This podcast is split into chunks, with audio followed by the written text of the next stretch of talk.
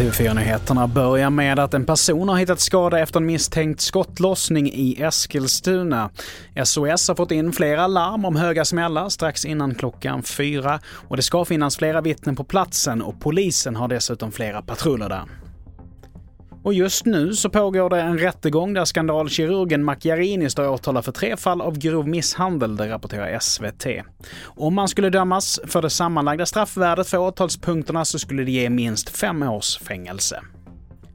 Och en rysk soldat dömts till livstids fängelse efter att ha dödat en civilman i Ukraina.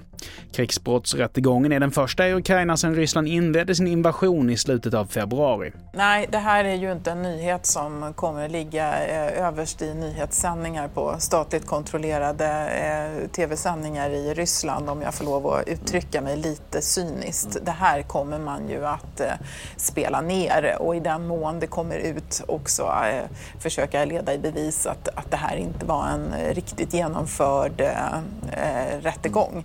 Och här hörde du Lisa Grenfors. Och vi fortsätter med att polisen har häktat en man i 30-årsåldern efter att ha beslagtagit 7 kilo kokain i hans lägenhet på Södermalm. Det rapporterar SR. Det var efter att man känt cannabislukt i trapphuset som man gjorde en husrannsakan och fann drogerna som uppskattas ha ett värde på närmare 20 miljoner kronor.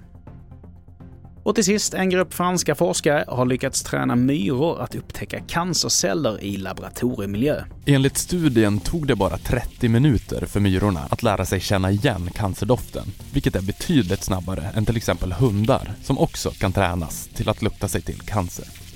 Nu återstår bara att undersöka om myrorna klarar av att skilja mellan en hel organism med cancer och en utan.